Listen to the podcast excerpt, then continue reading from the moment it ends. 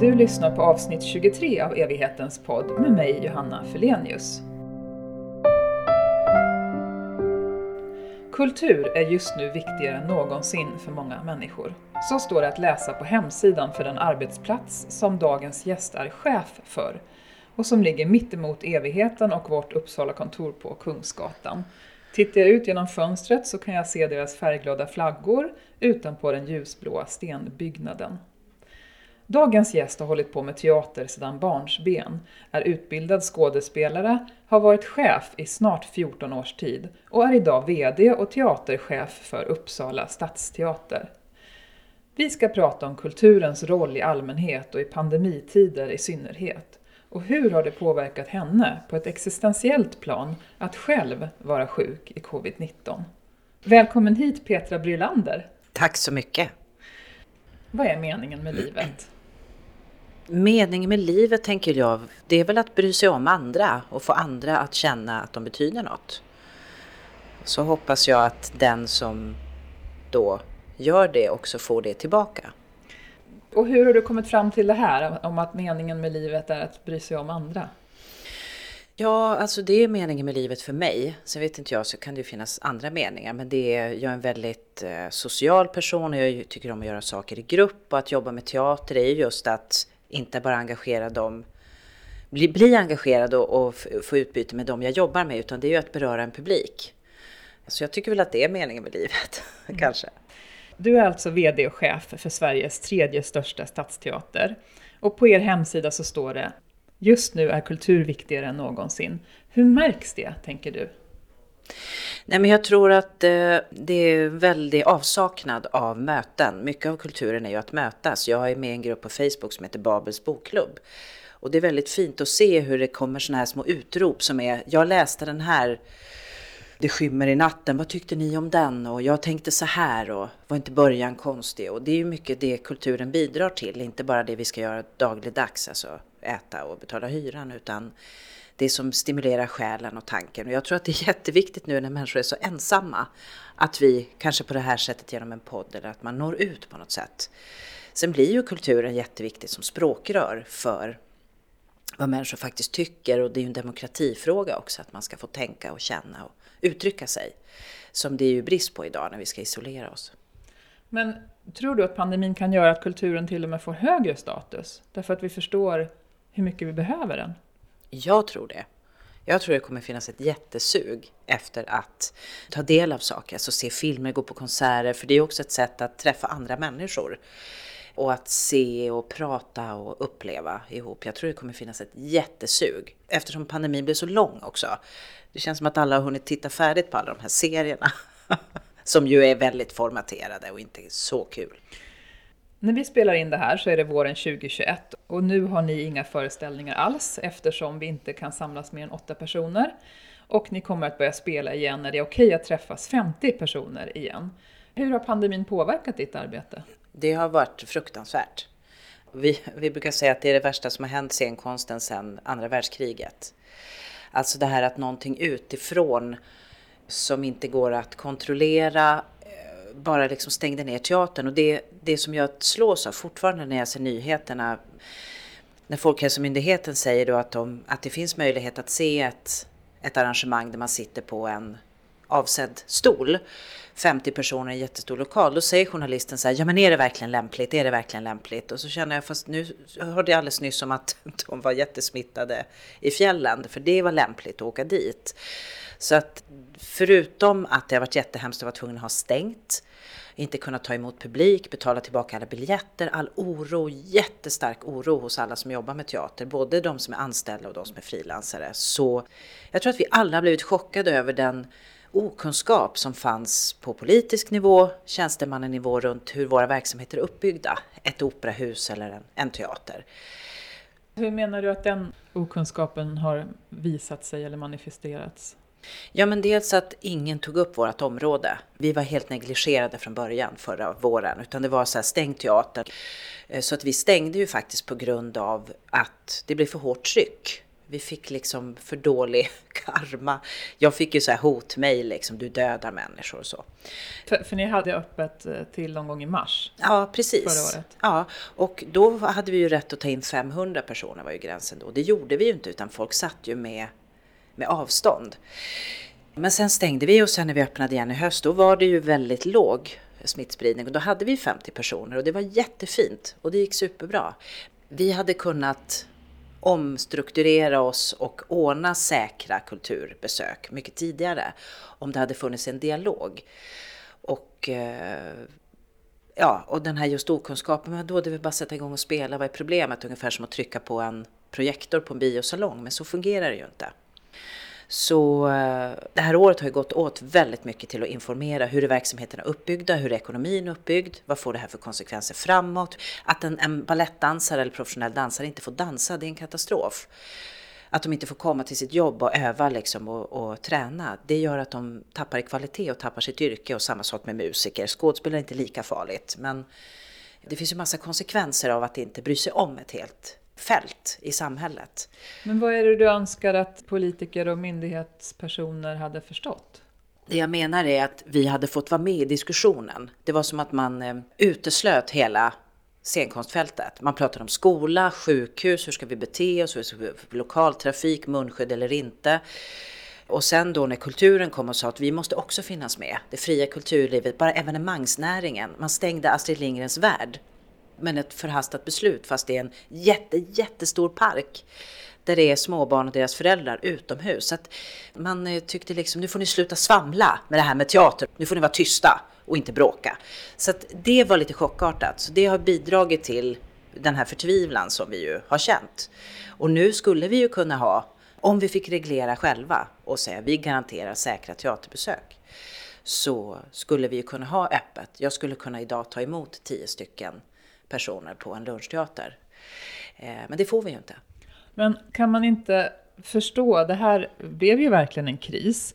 Och kan inte du ha en viss förståelse för att kulturen just då inte var det viktigaste? Det handlade ju liksom om liv och hälsa och vård och sådana där saker, att det måste få komma före. Mm, absolut, och det har jag sagt i alla officiella sammanhang. Det tycker jag ju själv också att det är jätteviktigt, men eftersom det drog ut så på tiden och man började reglera övriga samhället. För oss var det absurt att Ikea var fullt med folk. För det, det var bra, för här ska näringslivet stöttas, medan en konsertsal skulle vara tom och stängd.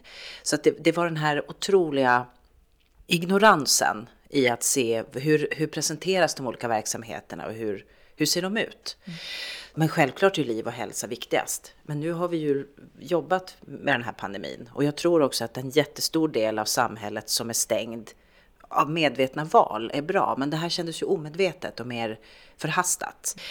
Så det om jag ska vara rent ärlig så har det varit jättetufft ur många perspektiv. En del föreställningar har skjutits upp i omgångar och andra har ni ställt in helt och hållet. Hur har det varit att ta den typen av beslut? Att nej, det blir ingenting med det här föreställningen. Nej, men man kan ju säga att jag har fått gå emot det som hela mitt jobb består av. Här har jag fått göra tvärtom. Som en slags teaterhatare har jag fått mörda det jag egentligen tycker är fint. Ja, men det är jättekonstigt, jättemärkligt.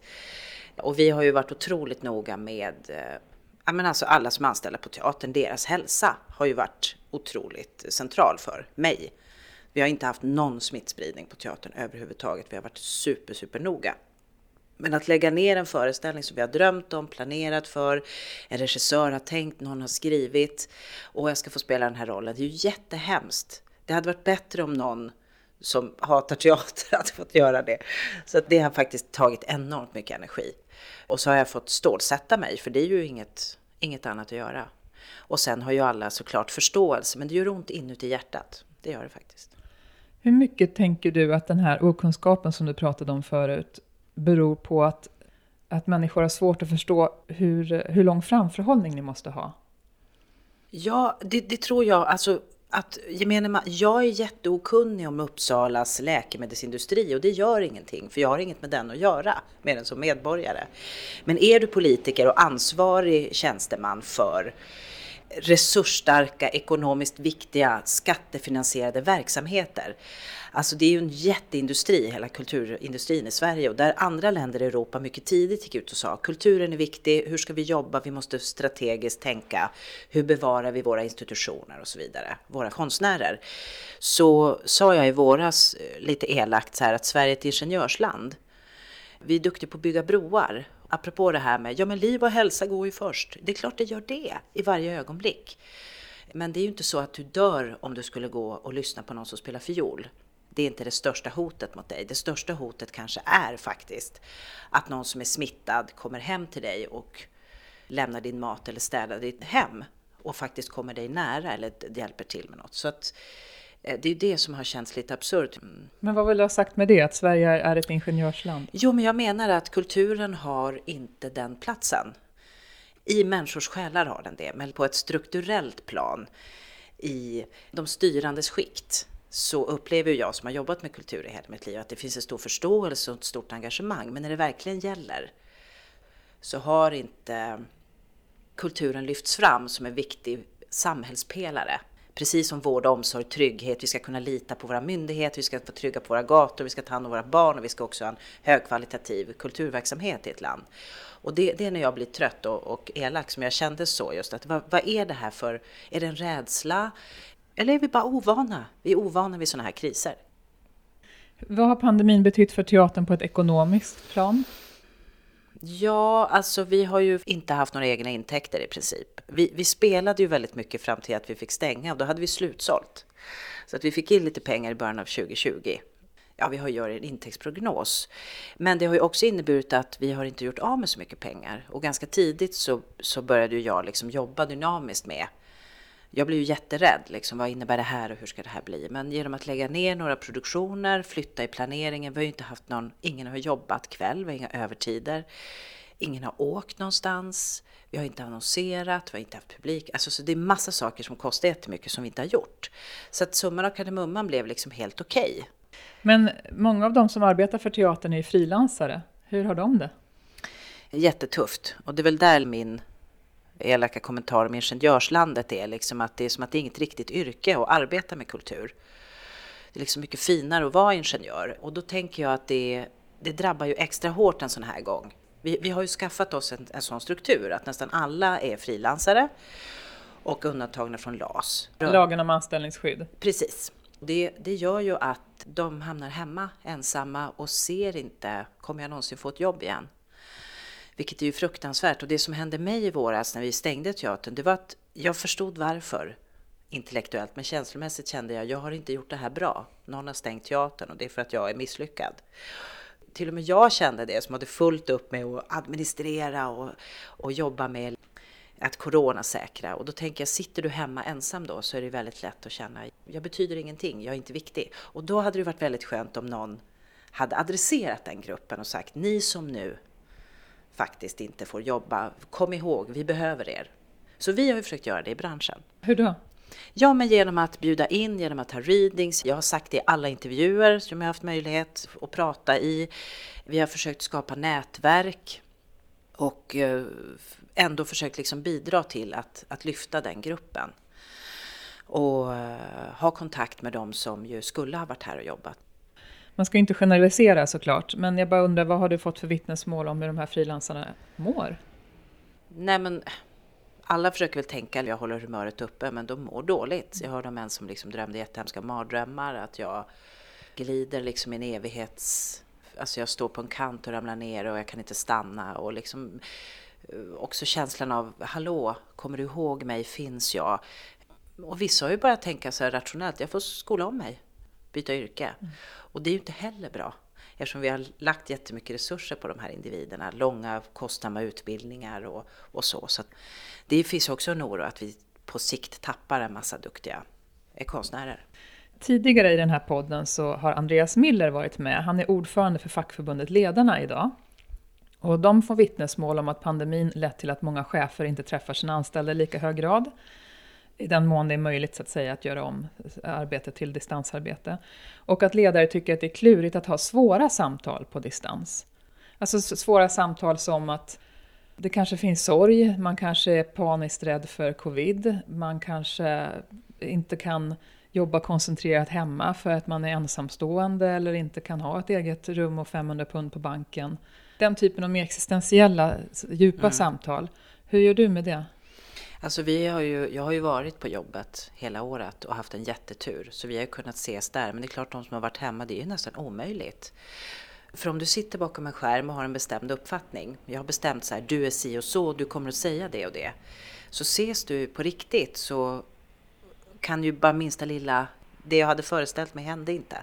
Men alltså bakom en skärm kan du dels skydda dig från att visa jag är oberörd eller också sitta fast i en konflikt. Och så tycker jag att det ofta blir i mötena. Vi försöker alla möten digitalt.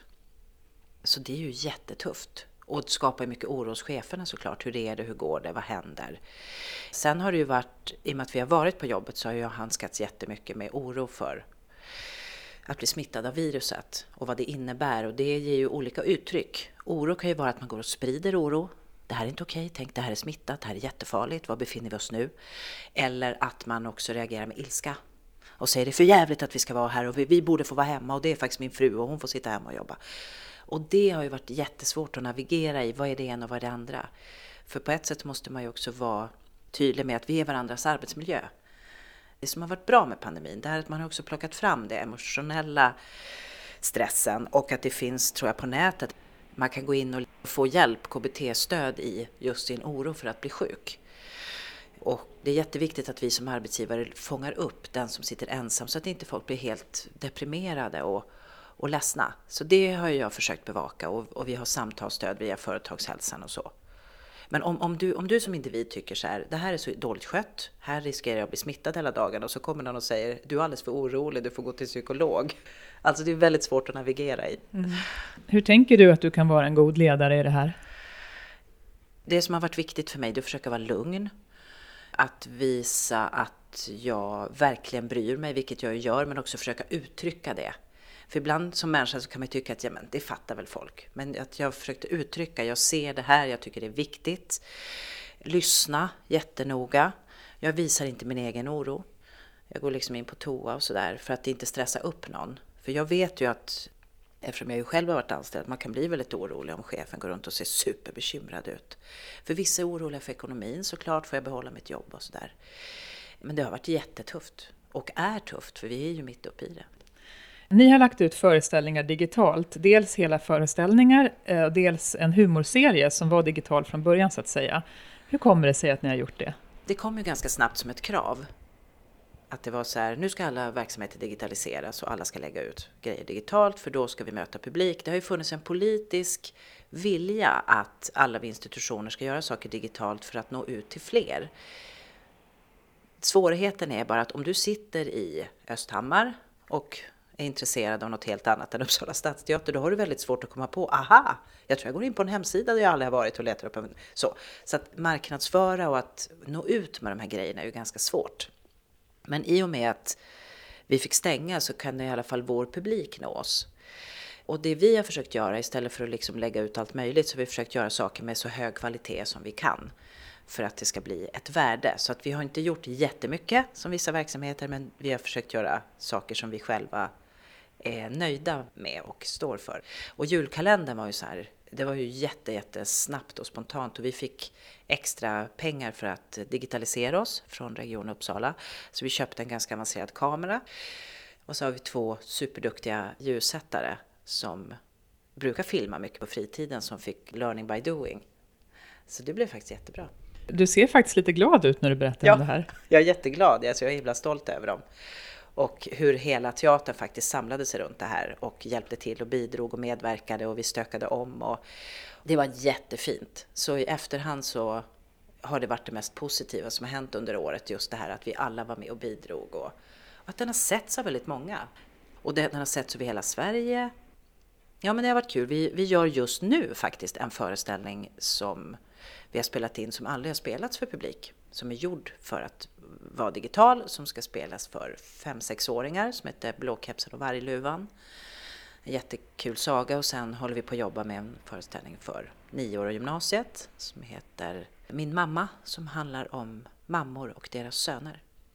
Och så blir det radioteater. Ja, precis. Men det är någonting som jag har hållit på med mycket i mitt liv, som skådespelare framför allt. Och sen så tycker jag att det är så tråkigt att det inte görs radioteater på det sättet längre. Så vi har satt igång med det, så det kommer att komma så småningom. Vad blir det? Kan du säga någonting om det? Vi har alltså beställt sex pjäser av sex författare som är ja, runt 15 minuter långa.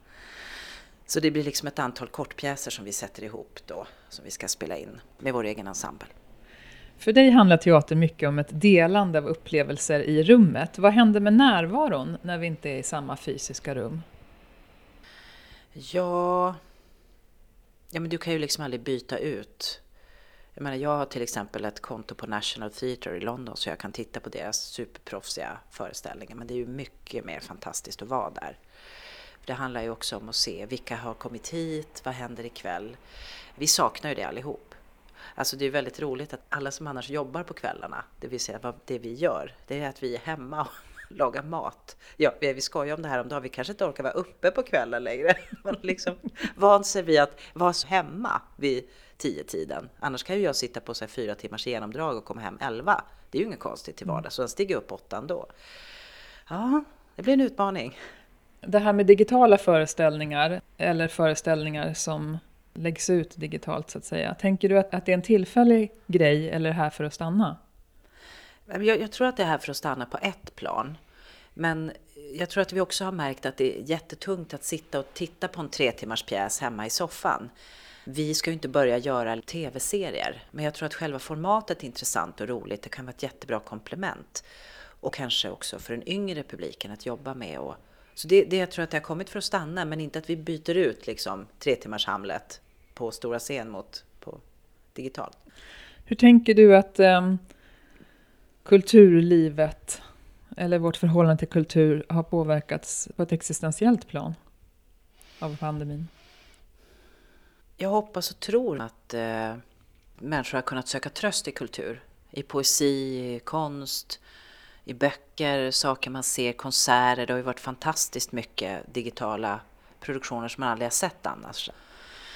Det har ju varit bra med pandemin faktiskt, att du kan nå någonting som, jag tittade på Hamilton till exempel.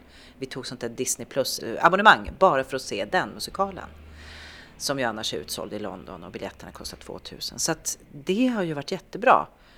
Men jag tror att eh, avsaknaden av det fysiska besöket är jättestor. Det säger ju vår publik, de skriver det till oss också. Vi längtar, vi längtar, vi längtar. Liksom. Hur mycket av teatern handlar om det för dig, om själva existensen? Ja men jättemycket. Jag behöver liksom ha det samtalet igång. Och nya tankar, vad är, jag menar apropå, vad är meningen med livet? Vad är viktiga frågor? Vad behöver vi prata om? Vad händer i människor? För mig är det jättecentralt att omvärdera det jag själv har tänkt och tyckt. Och det är ju en kreativ process. Alltså jag tror att alla som, som jobbar med någonting skapande tänker så. Jaha, jag tänkte så förut, men det betyder ju inte det. Det handlar om något annat. Vad är det? Och att vara nyfiken är ju också existentiellt på något sätt, för då prövar du ju vem du är. Jag tror inte att man bara är en person, utan jag tror man kan utvecklas. Men mycket handlar ju om de stora filosofiska frågorna och jättemycket om döden. Hur då? Nästan alla pjäser handlar om vår rädsla för död, det är någon som dör. Det är ju det mest absolut dramatiska som händer i en människas liv, eller en anhörigs liv. Och jag tror att teatern kan vara ett jättebra sätt att, att bearbeta och att fånga det. Fattar vi det? Att det är därför vi är där? Vi gjorde ju en föreställning i våras som hette Meningen med döden, som ju precis handlade om allt det här svåra. Och nu håller vi på att planera en annan föreställning som vi har arbetsnamnet Sorgepjäsen, som handlar om, om människor som har förlorat en anhörig. Så ibland är det väldigt konkret. Ja, men det handlar ju om kärlek också, jättemycket. Att eh, vara superkär. Nästan alla klassiska dramer handlar ju om ett ungt kärlekspar och det är ju jättefint och vad man, man är beredd att göra för att eh, få vara med den man älskar. Och det är också viktigt. Kärleken är ju jättestark oavsett vem den riktas mot. Så det är ju teaterns kärna kan man säga, kärlek och död. Hur ser du på den balansgången att å ena sidan respektera myndigheternas rekommendationer och på så vis värna folkhälsan, samtidigt som du arbetsgivare har ett ansvar för människors sysselsättning och att folket får kultur så att säga? Den har varit jättesvår, för det är ju någon, någonting som jag aldrig har blivit ställd inför. tidigare. Och det kan säga med pandemin som eh, jag tror har drabbat alla som har ett uppdrag som chef. Det är att allt vi säger kan ifrågasättas. Allt vi bestämmer kan någon tycka något annat om. Så att hela liksom själva strukturen i att vi har en fråga, vi har diskuterat igenom och så fattar vi ett beslut. Eller att jag säger vi, gör så här. Det, det kan när som helst rivas upp. Därför att det här har ju också blivit hur ska man säga, det kan stå vad som helst i tidningen som man kan tro på. Det är min post i brevlådan är smittad. Alltså allting har ju ställts upp och ner. Och det har ju gjort att jag har försökt hålla mig till vad Folkhälsomyndigheten säger, vad det står på Region Uppsalas hemsida. Det har ju varit min livlina. Den information jag får i covidmötena på Uppsala kommun. Därför att det är den fakta som jag måste hålla mig till. För när jag kommer till jobbet och ska då, som en del tycker, kanske då tvinga människor att vara på en arbetsplats fast man hellre vill vara hemma. Så måste jag ha det i ryggen och säga nej, det är så här, så här ser det ut. Det räcker med att tvätta händerna, vi behöver inte handskar. Så det är klart att det har ju varit en styrka för mig, men det har ju också varit jättetufft att hela tiden inte prata om jobbet utan prata om en pandemi. Jag längtar ju efter att få prata om det som är viktigt på vår arbetsplats.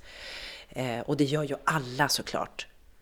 Men det som har varit viktigt tror jag att förstå för många, det är att du kan inte bara gå hem om du tycker det.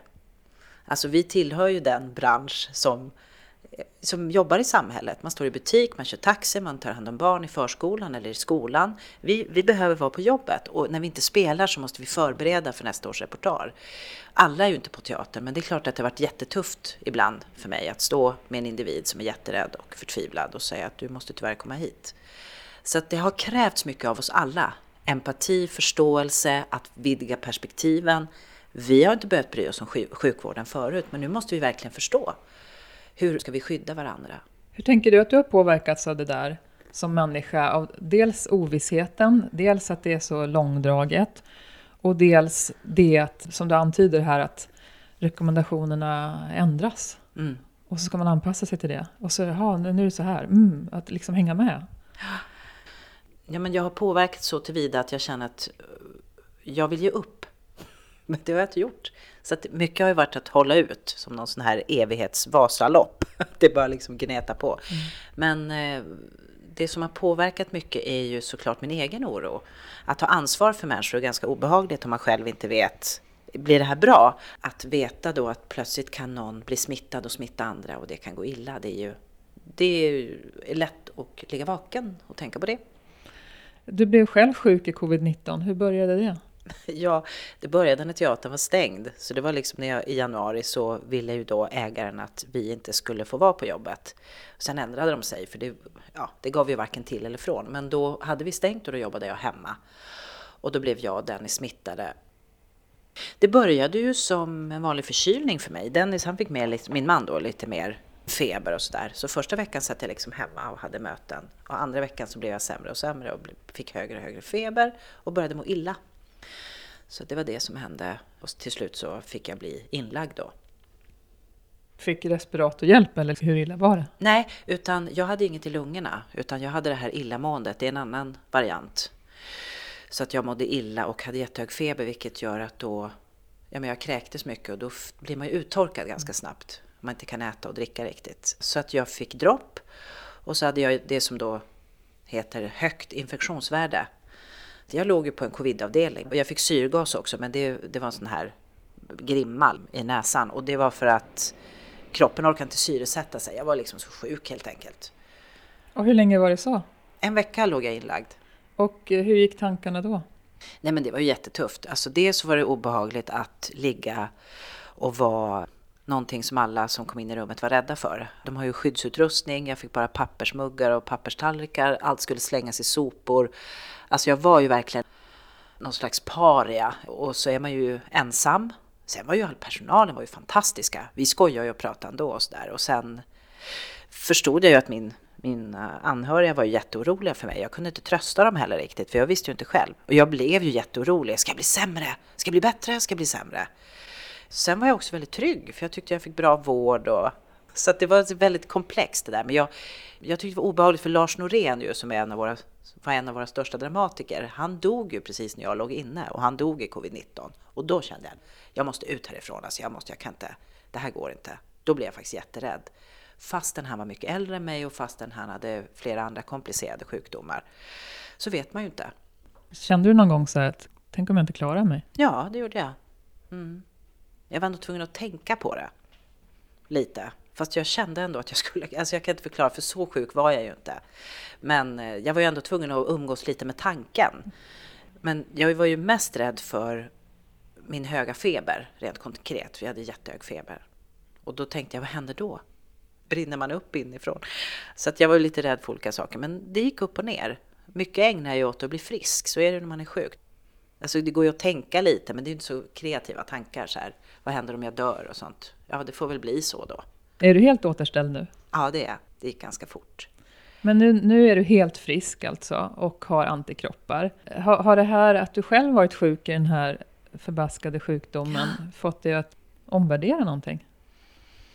Nej, inte egentligen faktiskt. Jag, jag tycker ju att det är bra att det är sjukvården som är experter på sjukdomar. Och det känner jag ju ännu mer nu. Eftersom alla är ju liksom specialister. Det, det, det är nästan det tyngsta med pandemin tycker jag, alla de här. Även när jag skrevs ut så sa läkaren till mig att nu, nu kan inte du få det här igen. För det är ju, man, det är ju extremt ovanligt att blixten slår ner i dig fem gånger och så fruktansvärt ovanligt att du får covid-19 igen. Och det var ju bra att höra. Men då är det jättemånga som säger till mig, ja, men du kan bli smittad igen och du kan. Och då känner jag, det är så skönt när de som faktiskt forskar, och vi kan inte veta allting, men de har ändå lite större kompetens än mig. En annan intressant sak med att ligga inlagd är ju hur mycket folk har frågat om vad sa de då, vad händer då? För det här är någonting nytt. Men betyder det här att du är nöjd med ditt liv? Eftersom du inte har omvärderat det någonting? Jag har inte omvärderat det utifrån en pandemisk liksom, slutsats. Jag är absolut nöjd med mitt liv. Eller jag är lika missnöjd som jag var innan i alla fall. Det har inte ändrats. Du är densamma? Ja, jag är jätteglad att jag överlevde, men för mig var det liksom som att jag var jätte, jättesjuk och sen blev jag frisk. Det jag kom på faktiskt, apropå där vi befinner oss nu, det är att jag inte vet vad jag vill bli begravd.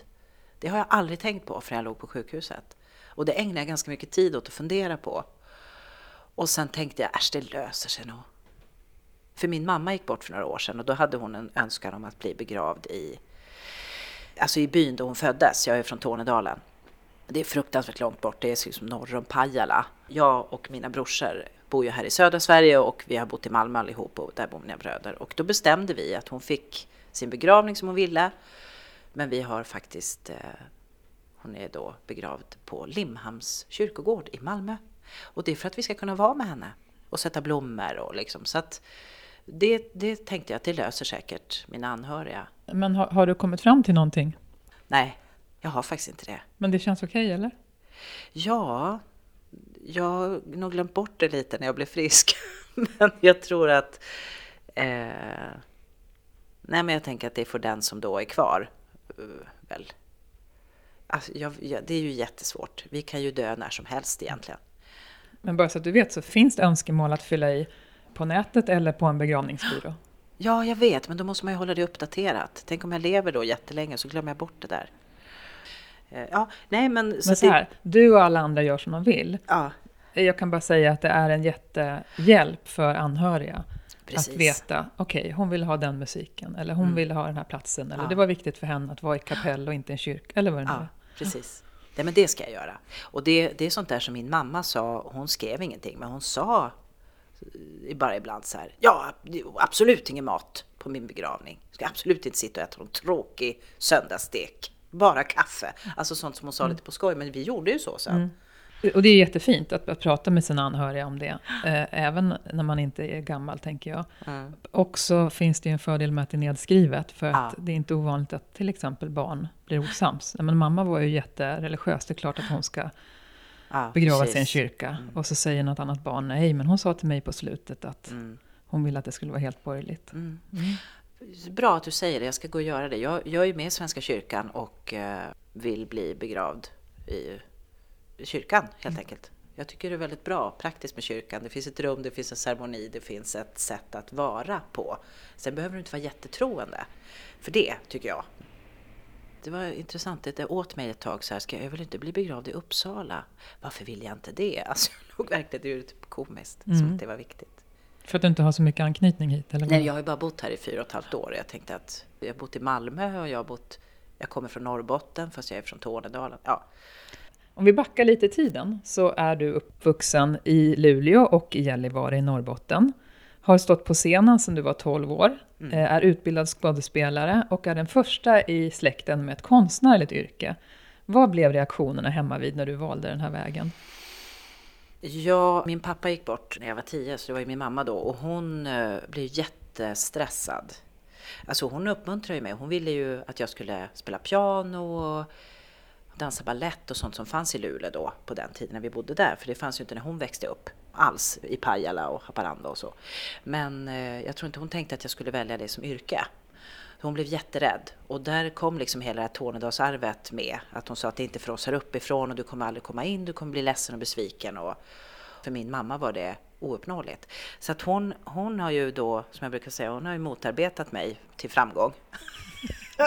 Men fick det aldrig dig att tveka? Alltså all den där tvekan hade jag redan kommit över. Jag kände att jag var tvungen att bestämma mig så in i bänken för att driva igenom det här eftersom jag inte hade någon som förebild. Sen lärde jag känna många, så vi höll ju på med teater i Luleå, amatörteater och eh, vi startade en egen friteatergrupp och jag gick på teatergymnasiet sådär. Så jag, ja, men jag tänkte om jag liksom presenterar min särart så måste väl det ändå kunna vara intressant. Så att jag har pendlat mellan att försöka vara som alla andra och försöka vara mig själv. Och vad tänker du är din särart? är väl dels att jag inte kommer från då Stockholms innerstad eller att jag har den här bakgrunden, mina föräldrar på Dramaten, utan att jag tillhör en liksom av minoriteterna. Det visste vi inte att vi var då. Men eh, jag har liksom andra historier att berätta. Jag kommer från, från ett annat sammanhang helt enkelt. Vad betyder teatern för dig eller vad symboliserar teatern för dig? För mig symboliserar den, svårt att säga, eh, det, det betyder enormt mycket. Jag tycker att det är det bästa som finns fortfarande fast jag har ett jättesvårt jobb och ibland så blir jag helt förtvivlad och känner jag orkar inte mer. Det här är för svårt. Det är för komplext. Men jag, jag älskar att jobba med det bara. Mm. Alltså jag tillhör en av, en av de få skådespelare som tycker det är roligt att spela teater. För många är ganska ångestdrivna och har mycket prestationsångest. Det har jag också, fast inte på det sättet. Men sen så kom jag ju på liksom att jag ville börja jobba med strukturen och bli chef och då teatern för egentligen för mig symboliserar att man får göra nya saker hela tiden. Och lärandet är oändligt. Det är väldigt kul. För dig är det viktigt att skapa gränsöverskridande produktioner och våga satsa på just nya saker, så som musikteater. Och under din tid så har ni utökat repertoaren för barn och ungdomar. På vad sätt är den unga publiken betydelsefull för dig att nå? Ja, alltså, jag brukar säga att det är morgondagens publik, men för mig är det dagens publik. Alltså för mig är ju en stadsteater ägd av medborgarna. Vi, vi äger den tillsammans och det är ett jätteansvar och då måste jag ju också finnas till för alla. Jag kan inte liksom exkludera någon. Och eh, sen är ju skolan jättebra därför att skolan är ju än så länge relativt demokratisk. Det vill säga du går till skolan och där får du uppleva och göra saker tillsammans med dina klasskamrater oavsett var du kommer ifrån eller vad du har för bakgrund eller socioekonomisk förhållande. Så att det är en fråga om demokrati. Och sen är det ju den bästa publiken om jag ska vara egoistisk. Det är ju fruktansvärt roligt att spela för barn och jobba med barn. Sen måste det också vara jättehög kvalitet, därför att de kan ju inte välja själva. Vi vuxna, vi kan ju gå och se en film som vi tycker är någon pjäs, ja sådär. Medan de måste få det absolut bästa. På vad sätt är det den bästa publiken? Ja, men de är så glada och spontana och de är så direkta och de visar ju på en gång om det inte är bra, vilket är jättekul. Mm. Och sen samtalet efteråt och de är roliga att jobba med. Och just nu har vi tre dramapedagoger som också arbetar i skolan med e-, barnens eget skapande. Det är också jätteviktigt. Alltså förr så höll man ju på med hyscha på barn, hela du vet så. Det gör vi inte längre någonstans förhoppningsvis i världen, utan nu är ju liksom deras samtal under föreställningen eller deras att de lever och är med är ju mycket viktigare än att de ska sitta tysta. Eh, du har gått en chefsutbildning och har nu varit chef i nästan 14 års tid. Och tidigare var du chef för Malmö stadsteater och så flyttade du till Uppsala för några år sedan för att leda just Stadsteatern. Hur vanligt eller ovanligt är det att gå från att stå på scenen till att basa? Det är ganska ovanligt. Man, man, brukar vara regissör. Det är det vanligaste. Det brukar vara en man som är regissör. Så att därför är det ju ganska ovanligt. För man, tidigare så har det inte ansetts... Man, man, man har inte haft chefskompetens om man har varit skådis. Så det är ganska ovanligt. Nu när du är chef, vad betyder det att du vet villkoren för att stå på scenen så att säga? Vad skådespelarna går igenom? Det är ju min absolut största tillgång. Därför att som skådespelare jobbar du också med alla yrkesgrupper på golvet. Du möter alla. Eh, kanske inte så mycket liksom de som är på kontoret eller löneekonom och sådär, men alla som jobbar praktiskt runt omkring. Vi är ju arbetskamrater och som regissör så, så träffar du också dem, men då är du arbetsledare. Sen försvinner du vid premiären. Men skådespelarna och teknikerna och maskörerna och vi allihopa, vi står ju kvar där och spelar tills spelperioden är slut. Din mamma dog i samband med att du flyttade till Uppsala och du blev i och med det föräldralös och arbetade dig ur det, den sorgen kan man säga. Nu när du själv har varit sjuk, hur gör du den här gången? Samma. Jag var ju sjuk så att jag inte kunde göra något annat i ungefär en och en halv vecka. Och jag är aldrig sjuk så. Sorgen är ju, vad säger man, randig. Det hjälper ju inte att vara hemma en vecka om man har en anhörig som går bort, utan för mig var det bättre att gå till jobbet. Och det är väldigt många skådespelare som förhåller sig så. Jag jobbar med en kollega som kom en dag och sa så här, jag har eh, fått tjocktarmscancer. Varpå jag sa, va? Ska du inte gå hem? Nej, jag vill spela för nu, nu känner jag att nu kommer jag få glömma det några timmar och bara genomföra föreställningen. Men vad tror du att det har att göra med den här liksom inställningen, the show must go on på något sätt? Ja, men det är att du för ett ögonblick har en uppgift och när du är på scenen så måste du koncentrera dig och vara totalt närvarande. Du kan inte bara tänka på annat. Och du får också ut väldigt mycket av att träffa kollegor och spela för publik. Sen är det jättehemskt att ställa in. Att komma in på teatern efter min mamma hade gått bort väldigt hastigt, det var ju också att jag kände att jag har massa uppgifter jag ska göra så jag får tänka på, på något annat en stund. Och det, det är skönt. Ja, jag förstår att det kan vara skönt, men kan det inte också vara så att man då inte ger någon plats för sorgen alls? Att det, det ska vara helt som vanligt? Ja, nej, det gjorde jag nog. Sen hade jag också ett nytt jobb. Hade det hänt nu, då kanske jag hade tagit det lite lugnare. Men du vet, jag var ju här i elva dagar innan hon blev sjuk. Och sen dog hon efter en vecka. Jo, men det fick ändå plats på något konstigt sätt. Jag vet inte, ja, vi var ju med henne i en vecka. Det kändes som ganska lång tid. Så att nej, jag tyckte inte att jag stressade över det. Men alla är ju olika. Det beror ju på hur det är och hur, hur man funkar. Och det är ju inget man vet innan.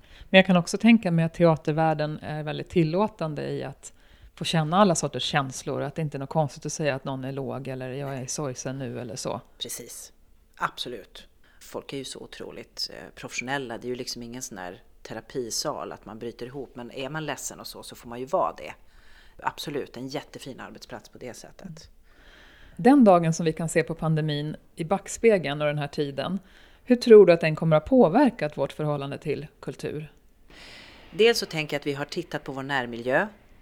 Hur mycket folk har sprungit i alla de här skogarna och motionsspåren i Uppsala, det är ju liksom helt nernött. Därför att vi inte haft något annat att göra om man vill komma ut. Sen gillar svenskar också att vara ute såklart.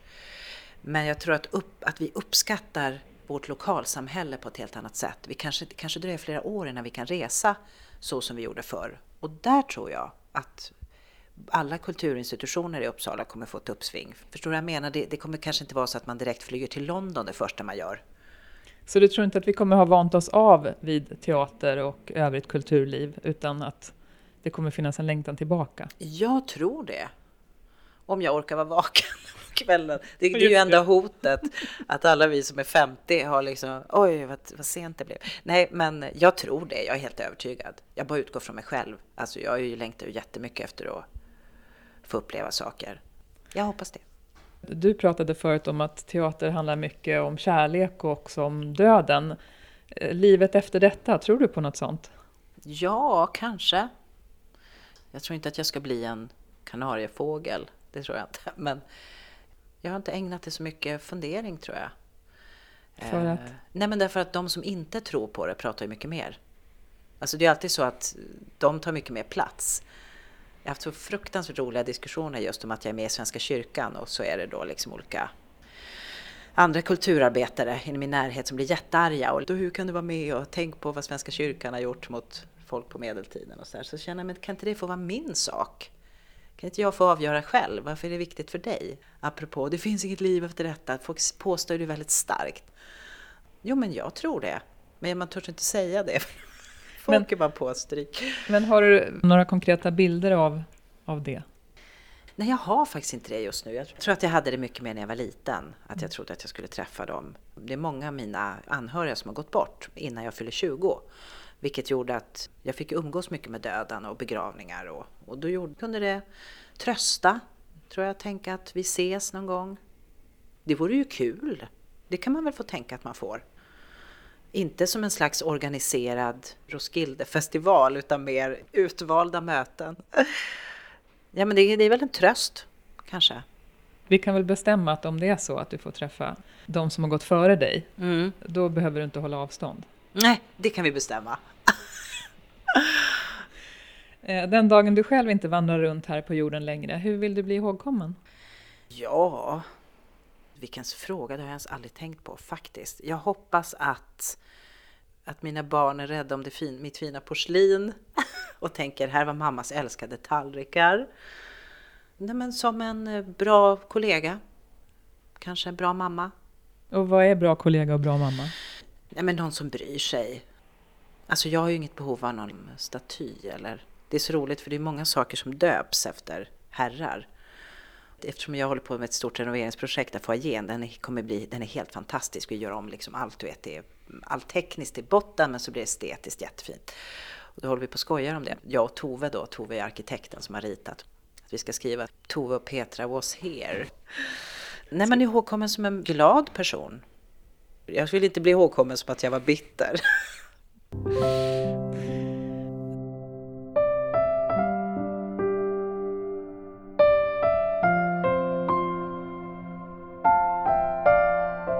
Det berättar Petra Brylander här i evighetens podd.